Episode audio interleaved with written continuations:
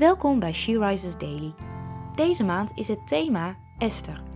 En vandaag luisteren we naar een overdenking van Wendeline Durieux. We lezen uit de Bijbel Esther 2, vers 8 en 9. Toen nu het besluit van de koning in een verordening bekend was gemaakt en er veel meisjes bij elkaar werden gebracht in de burcht van Susa, waar ze onder toezicht van Hegai kwamen te staan, werd ook Esther naar het koninklijk paleis overgebracht en onder toezicht van deze harenwachter gesteld. Het meisje stond hem aan en won zijn genegenheid.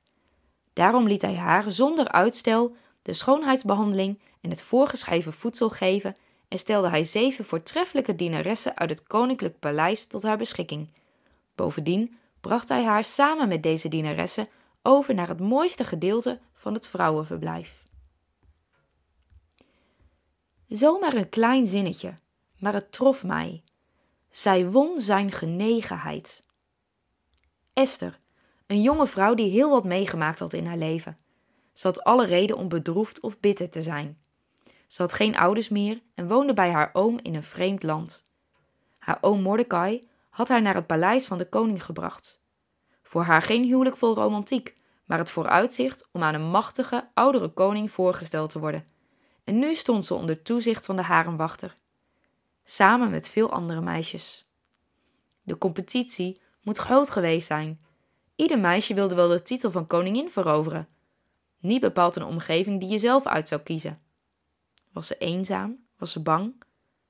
Esther kende de God van Israël en hij waakte over haar. Ook al was ze alleen in een vreemde omgeving. God zorgde. Hegai, het hoofd van de vrouwenafdeling, liet zijn oog op haar vallen. Ze was anders dan al de andere meisjes. Ze raakte iets in hem. Ze won zijn genegenheid. En hij reageerde door haar extra gunsten te verlenen. Ze kreeg zeven dienaressen die speciaal voor haar zorgden, zodat ze een vertrouwensband met hen op kon bouwen.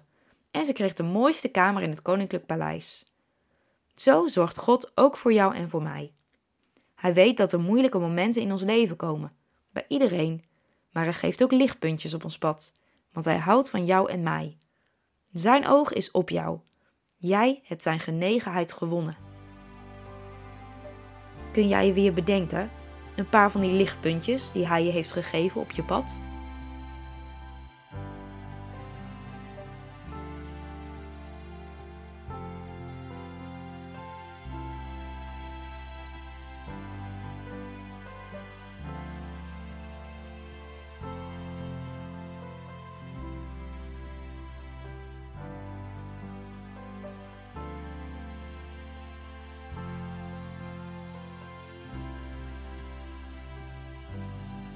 Laten we samen bidden. Lieve Vader in de hemel, dank u wel dat u mijn omstandigheden kent. Dat u weet wanneer ik bang of verdrietig ben. Soms gaat het leven anders dan ik me had voorgesteld, maar ik mag erop vertrouwen dat u voor mij zorgt.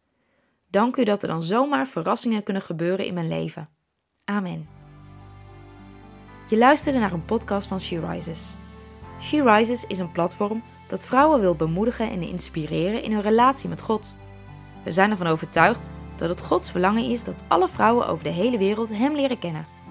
Kijk op www.she-rises.nl voor meer informatie.